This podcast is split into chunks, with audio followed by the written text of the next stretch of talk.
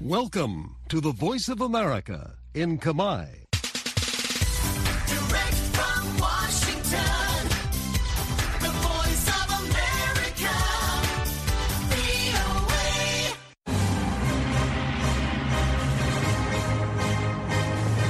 សួស្តីប្រិយមិត្តអ្នកស្ដាប់ជាទីមេត្រី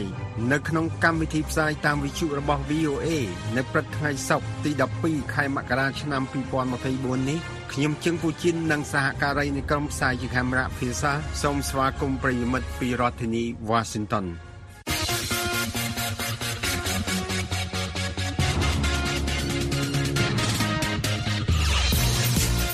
នៅក្នុងការផ្សាយរបស់ VOA នៅវេលាព្រឹកនេះយើងខ្ញុំមានសេចក្តីរាយការណ៍អំពីលោក Hunter Biden បង្ហាញខ្លួននៅសភានៅពេលបកសាធារណរដ្ឋចាត់វិធានការដំបូងចោទលោកថាប្រមាថសភាប្រជាពលរដ្ឋពាក់កណ្ដាលពិភពលោកបោះឆ្នោតក្នុងឆ្នាំ2024ដែលជះឥទ្ធិពលជាសកលប្រជាសហគមន៍ថាបទល្មើសព្រៃឈើនៅតំបន់អភិរក្សព្រៃរកាក្នុងខេត្តព្រះវិហារនៅតែកើនឡើង អាជ្ញាធរខេត្តមួយចំនួនសម្រុកដោះស្រាយបញ្ហាខ្វះទឹកសម្រាប់កសិករធ្វើស្រែប្រាំងហើយនឹងសេចក្តីរាយការណ៍អំពីលោក Blinken ជួបមេដឹកនាំអ៊ីស្រាអែលនិងថាពលរដ្ឋប៉ាឡេស្ទីនត្រូវមានលទ្ធភាពវិលត្រឡប់ទៅលំនៅឋានដើមរបស់ពួកគេវិញ។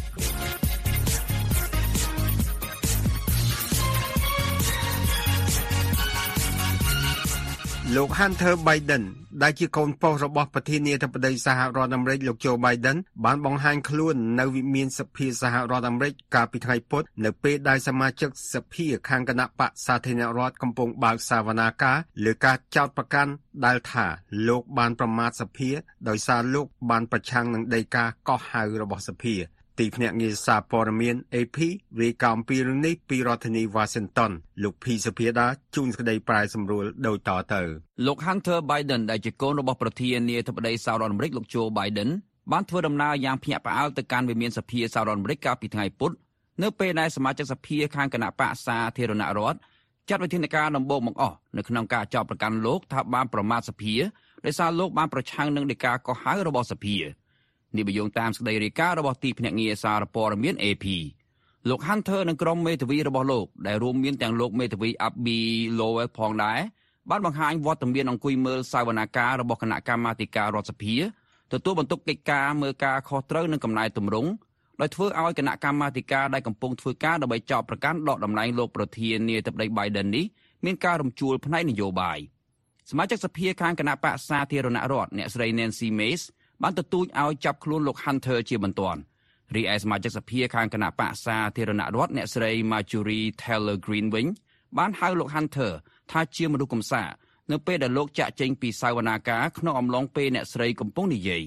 សមាជិករដ្ឋសភាខាងគណៈបកប្រជាធិបតេយ្យបានអះអាងថាលោក Hunter ដែលបដិសេធមិនព្រមផ្ដល់សក្ខីកម្មក្នុងសាវនាការបិទទ្វាររបស់គណៈកម្មាធិការនេះគួរតែត្រូវបានគេអនុញ្ញាតឲ្យផ្ដល់សក្ខីកម្មជាសាធារណៈ លោក Hunter បានការពារការមិនគោរពតាមរបស់លោកលើដីកាកោះហៅរបស់គណៈបកសាធារណរដ្ឋនេះដែលដីកាកោះហៅនេះបានបញ្ជាឲ្យលោកបង្ហាញខ្លួនផ្ដល់សក្ខីកម្មក្នុងសវនាការបិទទ្វារការពីពាក់កណ្ដាលខែធ្នូឆ្នាំមុនលោក Hunter និងក្រុមមេធាវីរបស់លោកបាននិយាយថាព័ត៌មានពីការសម្ភារឯកជនអាចលេចធ្លាយតាមអ្វីដែលគេចង់បាននិងអាចក្រឡុកតាមចិត្តដែលគេចង់បានដោយសមាជិករដ្ឋសភាខាងគណៈបកសាធារណរដ្ឋជាងនេះទៀត លោកនិងក្រុមមេធាវីរបស់លោកបានទទូចថា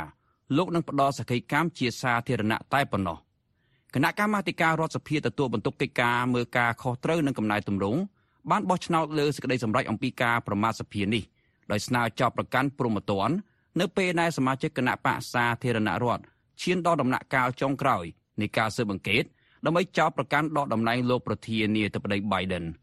នេះជាជំហានថ្មីចុងក្រោយបង្អស់សម្រាប់ការស៊ើបអង្កេតនេះ ដែលបានចាប់ផ្ដើមតាំងពីខែកញ្ញាឆ្នាំមុនមក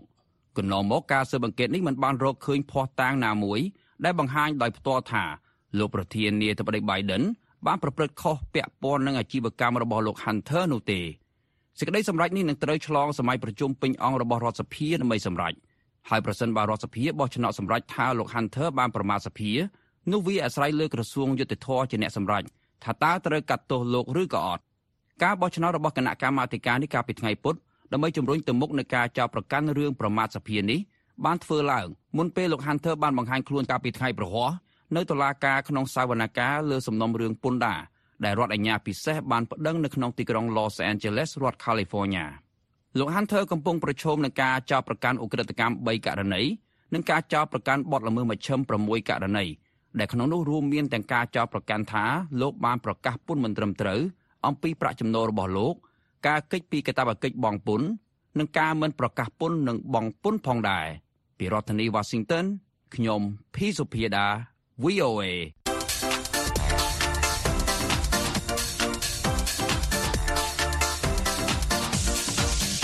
ប្រិមិត្ត VOA ជាទីមេត្រី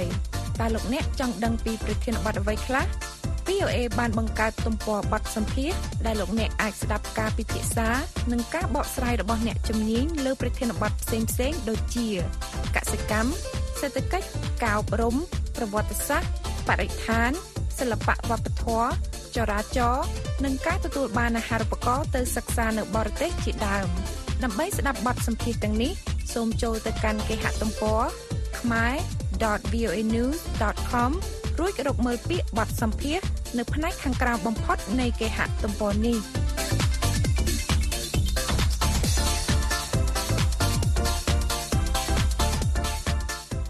ឆ្នាំ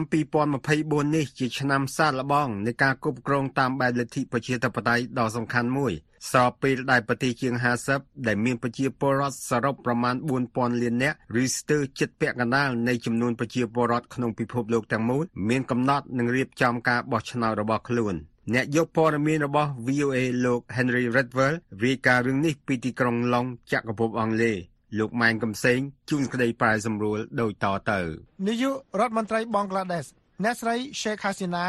ឈ្នះការបោះឆ្នោតអាណត្តិទី5កាលពីថ្ងៃទី6ខែមករាដែលជាការបោះឆ្នោតទី1ក្នុងចំណោមការបោះឆ្នោតសំខាន់សំខាន់ជុំវិញពិភពលោកក្នុងឆ្នាំនេះតៃវ៉ាន់បោះឆ្នោតប្រធានាធិបតីនៅថ្ងៃទី13ខែមករានឹងរងការគំរាមពីចិនថាយកកោះនេះដោយកម្លាំងលោក William Lai បេក្ខជនគណបកប្រជាធិបតេយ្យចម្រើននិយមដែលគ្រប់គ្រងអំណាចនិងមានសម្លេងគ្រប់គ្រងនាំមុខក្នុងការស្ទង់មតិថាពលរដ្ឋតៃវ៉ាន់មិនគ្រាន់តែជ្រើសរើសមេដឹកនាំថ្មី ដើម្បីសម្រេចពីអនាគតប្រទេសទេប៉ុន្តែក៏សម្រេចជ្រើសរើសសន្តិភាពនិងស្ថិរភាពនៃតំបន់ Indo-Pacific ផងដែរលោកថ្លែងថា 不仅仅要选出台湾未来的国家领导人，决定台湾未 យើងមិនគ្រាន់តែរើសមេដឹកនាំអនាគតតៃវ៉ាន់ដើម្បីសម្រេចលើវាសនាប្រទេសប៉ុណ្ណោះទេតែជ្រើសរើសសន្តិភាពនិងស្ថិរភាពនៃតំបន់ Indo-Pacific តើត្រូវទេ ឥណ្ឌូនេស៊ីនឹងបោះឆ្នោតប្រធានាធិបតីនៅខែក្រោយសម្រាប់ប្រទេសដែលមានប្រជាជន277លាននាក់និងមានអ្នកបោះឆ្នោតច្រើនបំផុតលើពិភពលោកប៉ាគីស្ថាននឹងរៀបចំការបោះឆ្នោតសភានៅខែឧសភាគណៈមេដឹកនាំបកប្រឆាំងនិងអតីតនាយករដ្ឋមន្ត្រីលោកអ៊ីមរ៉ានខាន់កំពុងជាប់គុកពីបទបញ្ចេញការសម្ងាត់រដ្ឋប៉ុន្តែលោកបដិសេធក្នុងខែមីនារុស្ស៊ីនឹងបោះឆ្នោតប្រធានាធិបតីដែលលោក Vladimir Putin នឹងឈ្នះដោយពិតប្រាកដ លោកអៀនបនមន្ត្រីនៃមជ្ឈមណ្ឌលកំណែទម្រង់អឺរ៉ុបថ្លែងដូចនេះថា he has control of all of the administrative machinery required to make sure that um, a, a crushing លោកគ្រប់គ្រងម៉ាស៊ីនរដ្ឋបាលទាំងអស់ដែលធានាថានោះជាការបោះឆ្នោតគ្រប់គ្រងលោកហើយយើងនឹងឃើញលោកពូទីនដឹកនាំ6ឆ្នាំទៀតយ៉ាងហោចណាស់ក៏ដល់ឆ្នាំ2030ដែរ ឥណ្ឌាដែលមានប្រជាធិបតេយ្យធំជាងគេបង្អស់ក្នុងលោកនឹងបោះឆ្នោតសភារវាងខែមេសានិងឧសភាដោយគណៈបក BJP របស់នាយករដ្ឋមន្ត្រី Narendra Modi មានសម្លេងនាំមុខក្នុងការស្ទង់មតិលោកភូសារ៉ាប់អ្នកកសែតនយោបាយថ្លែងដូចនេះថា These are very significant elections because uh, there are clearly two opinions in the country at the moment. ការបោះឆ្នោតនេះមានសារៈសំខាន់ព្រោះមានទស្សនៈពីរក្នុងប្រទេសឥណ្ឌាពេលនេះ មួយគឺបក BJP កំពុងធ្វើសង្គមបែកខ្ញែកទៅតាមបណ្ដាញមូលដ្ឋាន ហើយម្ខាងទៀតនោះគឺកំណត់ដែលថាបក BJP កំពុងផ្ដោតលើសន្តិសុខជាតិនៅថ្ងៃទី2ខែមិថុនាមិចស៊ិកនឹងបោះឆ្នោតប្រធានាធិបតីដែលអាចបង្ហាញពីការប្រែប្រួលដ៏សំខាន់ថ្មីមួយអ្នកស្ទង់មតិលោក Patricio Morelos និយាយថាការបោះឆ្នោតជាព្រឹត្តិការណ៍ប្រវត្តិសាស្ត្រមួយព្រោះអាចមានលទ្ធភាពជាលើកដំបូងដែលស្ត្រីម្នាក់នឹងក្លាយជាប្រធានាធិបតីមិចស៊ិក También es un evento histórico por នេះក៏ជាព្រឹត្តិការណ៍ប្រវត្តិសាស្ត្រមួយដែរដែលស្ត្រីម្នាក់អាចក្លាយជាមេដឹកនាំមិចស៊ិកជាលើកដំបូងសហភាពអឺរ៉ុបនឹងបោះឆ្នោតសភាក្នុងខែមិថុនាដែលតំណាងឲ្យមនុស្សជាង500លាននាក់ស្របពេលការគ្រប់គ្រងបកស្ដាំនិយមកើនឡើង អង់គ្លេសនឹងបោះឆ្នោតនៅមុនដំណាច់ឆ្នាំនេះដោយការស្ទង់មតិបង្ហាញថាមេដឹកនាំបកប្រឆាំងគឺគណៈបកការងារលោក Keir Starmer កំពុងមានប្រជាប្រិយភាពដែលអាចបញ្ចប់ការដឹកនាំរបស់បកអភិរក្សនិយមអស់រយៈពេល14ឆ្នាំ នៅថ្ងៃទី5ខែវិច្ឆិកាពលរដ្ឋអាមេរិកាំងនឹងសម្រេចថាតើខ្លួនបោះឆ្នោតឲ្យលោកโจ Biden នៃបកប្រជាធិបតេយ្យឲ្យធ្វើជាប្រធានាធិបតីក្នុងអាណត្តិទី2ឬជ្រើសរើសបេក្ខជនបកសាធារណរដ្ឋដែលមានលោក Donald Trump ដែលទំនងនឹងក្លាយជាគូប្រជែងលទ្ធផលបែបណាមួយក្នុងការបោះឆ្នោតនេះនឹងជាអត្តពលជាសកល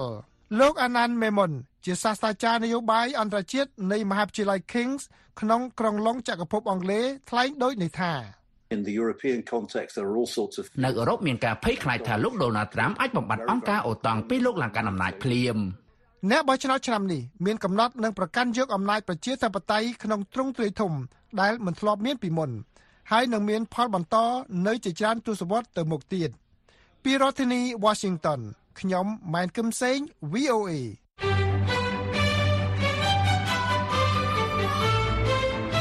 ប្រិយមិត្តជាទីមេត្រីឥឡូវនេះកម្មវិធី Hello VOA ស្ដីពីសុខភាពដែលតែងតែចាក់ផ្សាយនៅរៀងរាល់ថ្ងៃប្រហ័សសប្តាហ៍ទី3នៃខែនីមួយៗក៏មានជាវីដេអូផងដែរលោកអ្នកនាងអាចទស្សនាកម្មវិធី Hello VOA ស្ដីពីសុខភាពនេះបាន ដោយចូលទៅកាន់គេហទំព័ររបស់យើងខ្ញុំ ដែលមានអាសយដ្ឋាន khmer.voanews.com រួចចុចលើពាក្យកម្មវិធី Hello VOA នោះលោកអ្នកនឹងចូលទៅដល់ទំព័រមួយទៀតដែលមានកម្មវិធី Hello VOA សុខភាពហើយលោកអ្នកនាងអាចទស្សនាវីដេអូមួយណាក៏បាន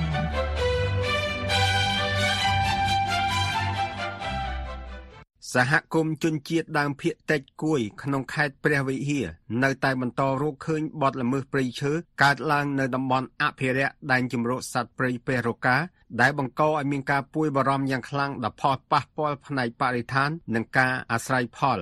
ការរស់នៅព្រមទាំងវប្បធម៌ប្រពៃណីរបស់ជនជាតិដើមភាគតិចគួយ លោកសឹមច័ន្ទសំណាងរាយការណ៍លម្អិតឲ្យ VOA ពីរាជធានីភ្នំពេញដូចតទៅសហគមន៍ជនជាតិដើមភាគតិចគួយក្នុងខេត្តព្រះវិហារអះអាងថាពួកគេនៅតែរកឃើញបទល្មើសព្រៃឈើកើតឡើងនៅតំបន់អភិរក្សដែនជម្រកសត្វព្រៃព្រះរកាក្នុងឃុំព្រះមេរុស្រុកត្បៃមានជ័យដែលបង្កឲ្យមានការព្រួយបារម្ភយ៉ាងខ្លាំងពីការបាត់បង់ព្រៃឈើ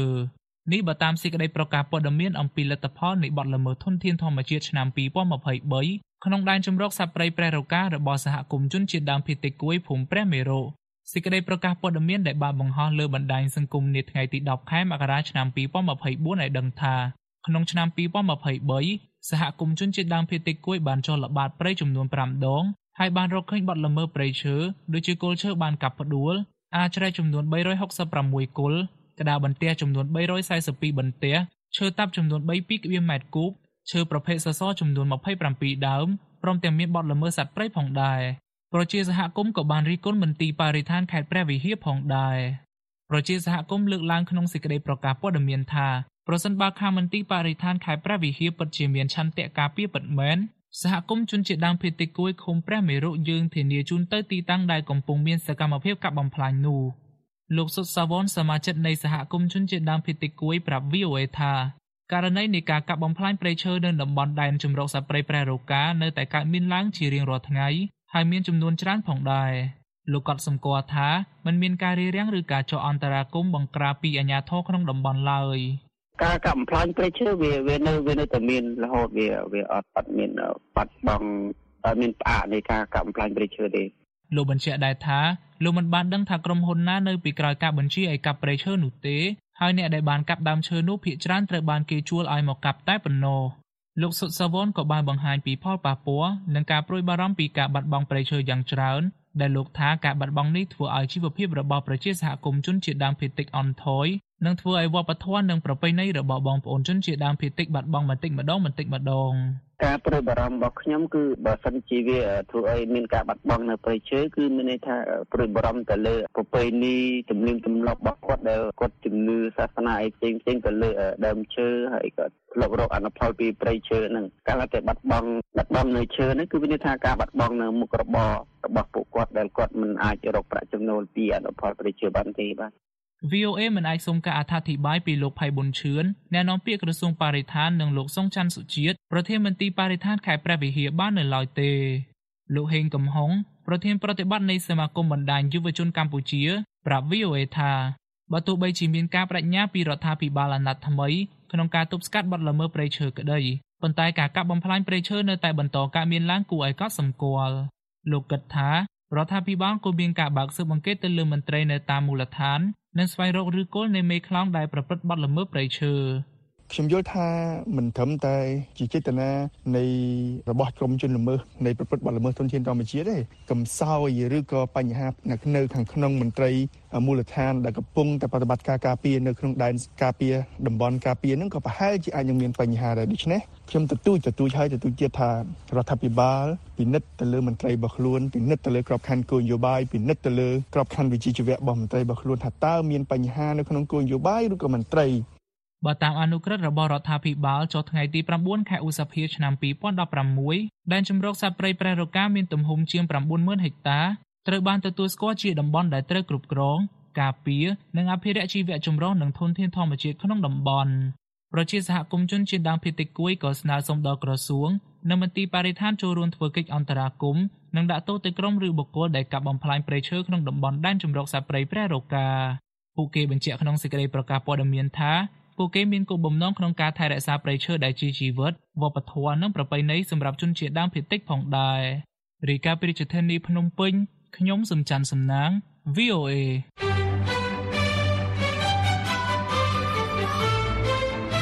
ប្រិយមិត្តជាទីមេត្រីឥឡូវនេះកម្មវិធី Hello VOA ស្ដីពីសុខភាពដែលតែងតែចាក់ផ្សាយនៅរៀងរាល់រាត្រីថ្ងៃប្រហ័សសប្តាហ៍ទី3នៃខែនីមួយៗក៏មានជាវីដេអូផងដែរ លោកអ្នកអាចទស្សនាកម្មវិធី Hello VOA ស្ដីពីសុខភាពនេះបានដោយចូលទៅកាន់គេហទំព័ររបស់យើងខ្ញុំដែលមានអាស័យដ្ឋាន khmer.voanews.com រួចចុចលើកម្មវិធី Hello VOA នោះលោកអ្នកនឹងចូលដល់ទំព័រមួយទៀតដែលមានកម្មវិធី Hello VOA សុខភាពហើយលោកអ្នកអាចទស្សនាវីដេអូមួយណាក៏បាន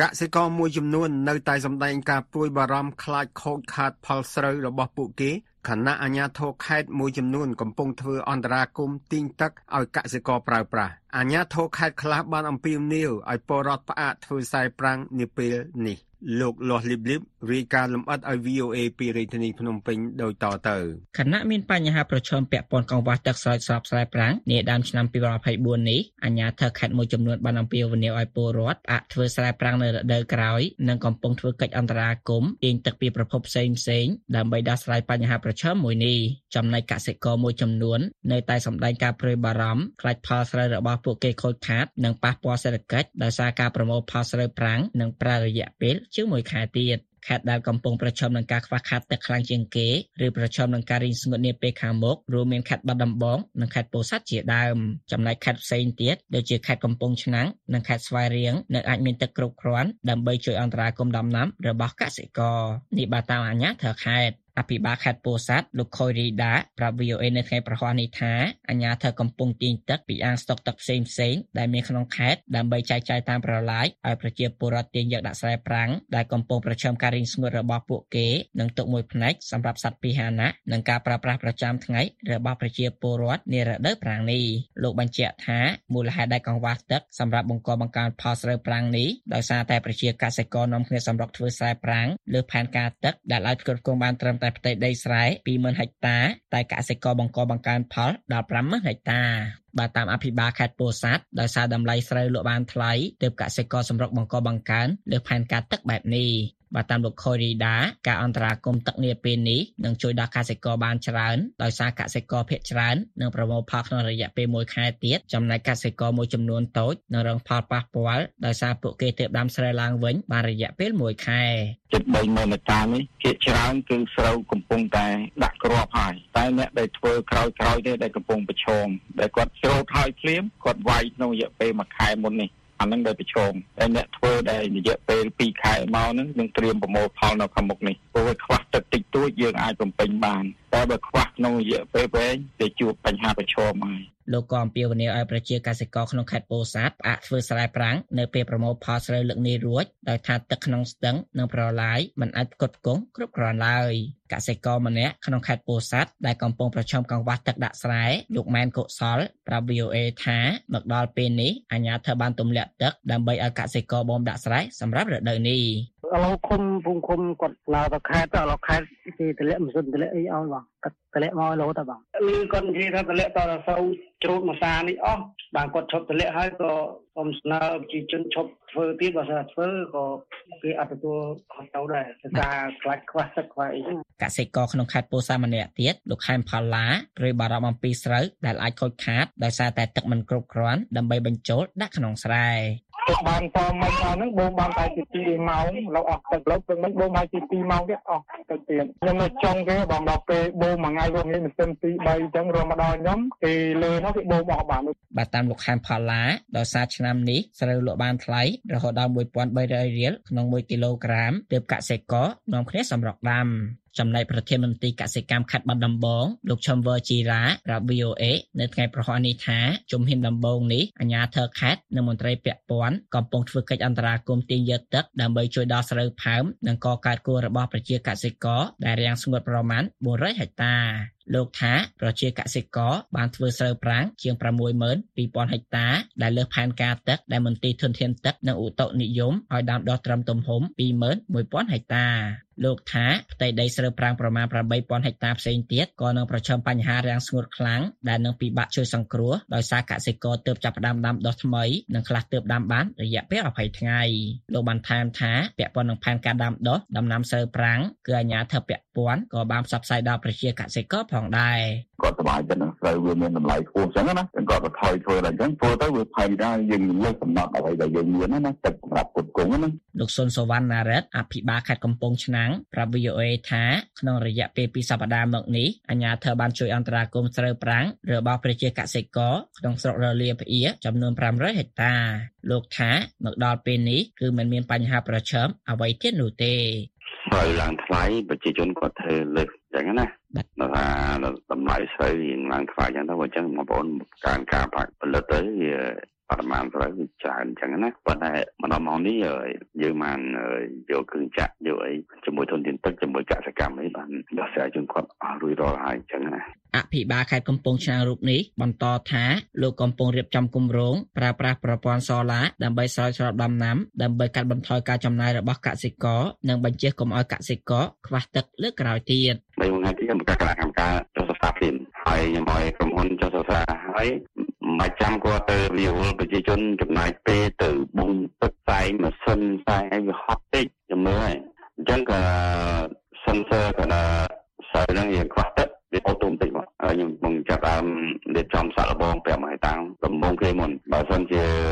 លទ្ធផលបានល្អខ្ញុំនឹងចាប់ដើមចេញទៅបណ្ណាក្រុងស្រុកទាំង8ក្រុងស្រុកទាំងអស់ លោកងិនហ៊ុនប្រធានមន្ត្រីកសិកម្មខេត្តកំពង់ឆ្នាំងបានបញ្ជាក់ថានៅក្នុងខេត្តកំពង់ឆ្នាំងប្រជាកសិករបង្កបង្កើនផលស្រូវប្រាំងលើផែនការផងដែរដែលមានន័យថាផែនការសម្រាប់ឲ្យកសិករដាំដុះ37700ហិកតាប៉ុន្តែកសិករដាំដុះរហូតដល់ជាង40000ហិកតា លោកអះអាងថាបញ្ហាខ្វះទឹកគឺអាជ្ញាធរមន្ត្រីពាក់ព័ន្ធបានធ្វើកិច្ចអន្តរាគមន៍ដោះស្រាយដល់ប្រជាកសិកររួចរាល់ហើយនៅក្នុងខេត្តស្វាយរៀងវិញលោកកឹមសាវុតប្រធានមន្ត្រីធនធានទឹកនិងអូតូនិយមខេត្តបានចេញសេចក្តីជូនដំណឹងមួយនៅថ្ងៃទី10ខែមករាថាប្រជាកសិករក្នុងខេត្តស្វាយរៀងបានបង្កបង្កើនផលស្រែប្រាំងលើផ្ទៃដីជាង27000ហិកតាដែលលើសផែនការគ្រោងដែលដាក់ចេញត្រឹមតែ2500ហិកតាលោកបានថែមថាមន្ទីរកំពុងជួយអន្តរាគមន៍កែប្រឡាយនាំទឹកជួយសង្គ្រោះនៅតាមតំបន់មួយចំនួនផងដែរលោកម៉ែនអេងអភិបាលរងខេត្តស្វាយរៀងប្រាប់ VOA ថារហូតមកដល់ពេលនេះក្នុងខេត្តស្វាយរៀងមិនទាន់មានបញ្ហាប្រឈមដោយសារកង្វះទឹកដាក់ស្រែប្រាំងនោះទេបើទោះបីជាកសិករបានបង្កបង្កើនផលលើសផែនការក៏ដោយនៅចំពោះមុខនេះក្រោយដែលយើងបានធ្វើការចុះទៅពិនិត្យទៅលើដីខ្សែរបស់ប្រជាកសិកររបស់យើងហើយយើងប្រៀបធៀបមកនឹងផ្ទៃទឹកដែលយើងមានគឺថាយើងអាចធានាបានយើងមិនខ្វះទឹកទេអភិបាលរងខេត្តស្វាយរៀងរូបនេះបន្តថាអាជ្ញាធរនឹងបន្តយកចិត្តទុកដាក់បន្ថែមទៀតជុំវិញបញ្ហានេះដើម្បីជួយអន្តរាគមន៍ដល់កសិករឲ្យបានទាន់ពេលវេលារាយការណ៍ពីរាជធានីភ្នំពេញខ្ញុំដាស់លេបលេប VOA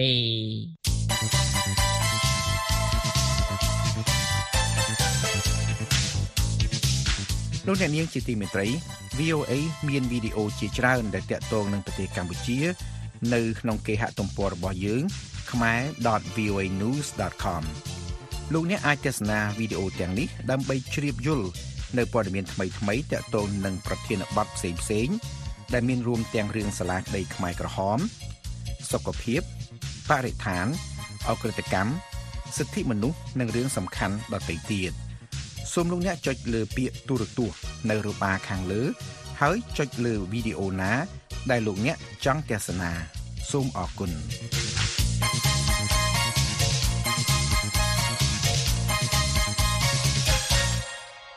រដ្ឋមន្ត្រីការបរទេសសហរដ្ឋអាមេរិកលោក Anthony Blinken និយាយថាអ៊ីស្រាអែលបានយល់ព្រមអនុញ្ញាតឲ្យអង្គការសហប្រជាជាតិធ្វើការវាយតម្លៃពីស្ថានភាពក្នុងតំបន់ហ្គាហ្សាភាគខាងជើងស្របពេលដែលជនស៊ីវិលភៀសខ្លួនប៉ាឡេស្ទីនដែលរត់ទៅតំបន់ភាគខាងត្បូងហ្គាហ្សានេះបានអង្វរសុំវិលត្រឡប់ទៅផ្ទះសម្បែងវិញអ្នកឆ្លើយឆ្លងព័ត៌មានការទូតនៃ VOA អ្នកស្រី Cindy Sen រាយការណ៍រឿងនេះពីក្រសួងការបរទេសអាមេរិក លោកជាវ៉ាន់រិតជួនក្តីប្រាយសម្រួលដូចតទៅខណៈដែលអ៊ីស្រាអែលនៅបន្តវាយប្រហារលើតំបន់កាហ្សាកាលពីថ្ងៃអង្គាររដ្ឋមន្ត្រីការបរទេសអាមេរិកលោក Anthony Blinken បានជួបប្រជុំជាមួយមេដឹកនាំអ៊ីស្រាអែលក្នុងទីក្រុង Tel Aviv ដោយប្រើពេលយូរជាងការគ្រោងទុកលោក Blinken ថាជនស៊ីវិលប៉ាឡេស្ទីនត្រូវតែអនុញ្ញាតឲ្យវិលត្រឡប់ទៅលំនៅឋានរបស់ពួកគេវិញលោកថ្លែងដូចនេះថា As Israel's campaign moves to a lower intensity phase in northern Gaza ខណៈអ៊ីស្រាអែលបន្ថយការវាយប្រហារនៅតំបន់ហ្គាហ្សាខាងជើងហើយដកកម្លាំងខ្លះនៅទីនោះយើងឯកភាពគ្នានៅថ្ងៃនេះពីផែនការរបស់អង្គការសហប្រជាជាតិដើម្បីអនុវត្តបេសកកម្មវិតម្លៃមួយបេសកកម្មនេះនឹងកំណត់ពីអ្វីដែលត្រូវធ្វើដើម្បីឲ្យជនភៀសខ្លួនប៉ាឡេស្ទីនអាចវិលត្រឡប់ដោយសុវត្ថិភាពទៅភូមិខាងជើងវិញបាន លោក Blinken ថាក្រុមហាម៉ាស់អាចបន្សល់ទុកគ្រាប់មិនទាន់ផ្ទុះមួយចំនួននៅទីនោះនិងការបារម្ភផ្នែកសន្តិសុខនឹងការដឹកជញ្ជូនមុនពេលដែលជនប៉ាឡេស្ទីនដែលត្រូវបានប្រាប់ឲ្យភៀសខ្លួនមកតំបន់ភាគខាងត្បូងអាចវិលទៅភាគខាងជើងវិញជនភៀសខ្លួនក្នុងទីក្រុងខានយូនេះកាលពីថ្ងៃអង្គារបានស្នើសុំឲ្យលោក Blinken ជួយឲ្យពួកគេអាចវិលទៅផ្ទះនៅតំបន់ភាគខាងជើងវិញស្ត្រីប៉ាឡេស្ទីនម្នាក់និយាយដូចនេះថា ខ្ញុំសូមឲ្យលោករដ្ឋមន្ត្រី Blinken ជួយយើងត្រឡប់ទៅផ្ទះនៅតំបន់ Gaza ខាងជើងវិញផងបើទោះបីជាត្រូវនៅក្រោមតង់ក៏ដោយក៏ប្រសើរជាងនៅទីនេះដែរយើងឈឺចាប់ណាស់រស់នៅទីនេះអស់ពេល3ខែហើយយើងត្រឡប់ទៅផ្ទះវិញល្អជាងលោក Blinken ថាលោកបានប្រាប់ពីដឹកនាំអ៊ីស្រាអែលថាចំនួនជនស៊ីវិលស្លាប់ក្នុងតំបន់ Gaza នៅតែច្រើនពេកនៅឡើយ ពេលសួរថាហេតុអ្វីបានអាមេរិកមិនតម្រូវឲ្យអ៊ីស្រាអែលទទួលយកបទឈប់បាញ់មួយលោក Blinken ថ្លែងថា We want this war to end as soon as possible យើងចង់ឲ្យសង្គ្រាមនេះឆាប់ចប់បានលឿនតាមដែលអាចធ្វើបានមានអ្នកស្លាប់និងអ្នកឈឺចាប់ច្រើនណាស់មកដល់ពេលនេះប៉ុន្តែក៏សំខាន់ផងដែរដែលអ៊ីស្រាអែលអាចសម្រេចបាននូវគោលបំណងសមហេតុផលរបស់ខ្លួនដើម្បីធានាថាមិនមានការវាយប្រហារលើខ្លួនដោយថ្ងៃ7តុលាម្ដងទៀតឡើយ អ្នកវិភាគជាន់ខ្ពស់នៅវិទ្យាស្ថានមជ្ឈិមបូព៌ាបានប្រាប់ VOA តាមប្រព័ន្ធវីដេអូ Zoom ដូចនេះថា Israel's no closer to achieving that goal in large part because អ៊ីស្រាអែលនៅឆ្ងាយពីការសម្រេចបាននូវគោលបំណងរបស់ខ្លួនព្រោះមួយផ្នែកធំយើងអត់ដឹងថាគោលដៅនោះយ៉ាងម៉េចហើយក្រុមហាម៉ាស់នៅមានសមត្ថភាពបាញ់គ្រាប់រ៉ុកែតនិងប្រយុទ្ធនៅលើដីដូចនេះសំណួរសម្រាប់រដ្ឋាភិបាលអ៊ីស្រាអែលនោះគឺថាតើការបាត់បង់មនុស្សប៉ុណ្ណាទើបខ្ពស់នោះ អ្នកវិភាគម្នាក់ប្រាប់ VOA ថាគោលបំណងរបស់អ៊ីស្រាអែលមានភាពមិនច្បាស់លាស់ច្រើនក្រសួងសុខាភិបាលក្នុងតំបន់ហ្គាហ្សាដែលគ្រប់គ្រងដោយក្រុមហាម៉ាស់ថាពលរដ្ឋប៉ាឡេស្ទីនជាង23000នាក់បានស្លាប់តាំងពីសង្គ្រាមចាប់ដើមមកក្រោយពីក្រុមហាម៉ាស់វាយប្រហារដ៏ភ្ញាក់ផ្អើលមួយលើអ៊ីស្រាអែលដោយសម្លាប់មនុស្សប្រមាណ1200នាក់អាគារនិងផ្ទះរាប់មិនអស់ក្នុងតំបន់ហ្គាហ្សាទាំងមូលត្រូវបានបំផ្លាញដោយការវាយប្រហាររបស់អ៊ីស្រាអែលពីរដ្ឋធានី Washington ខ្ញុំជ្រាវណ្ណរិទ្ធ VOA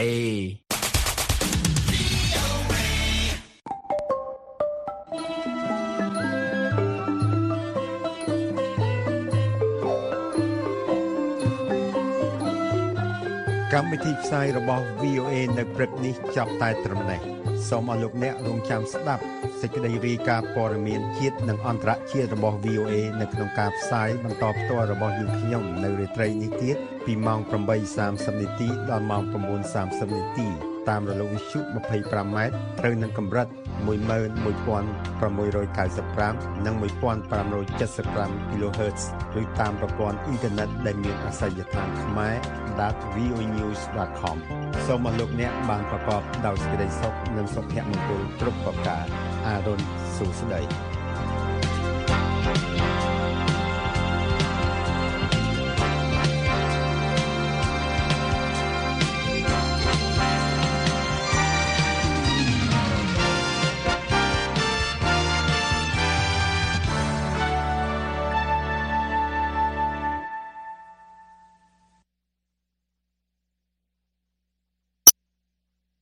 This program has come to you from the Voice of America, Washington.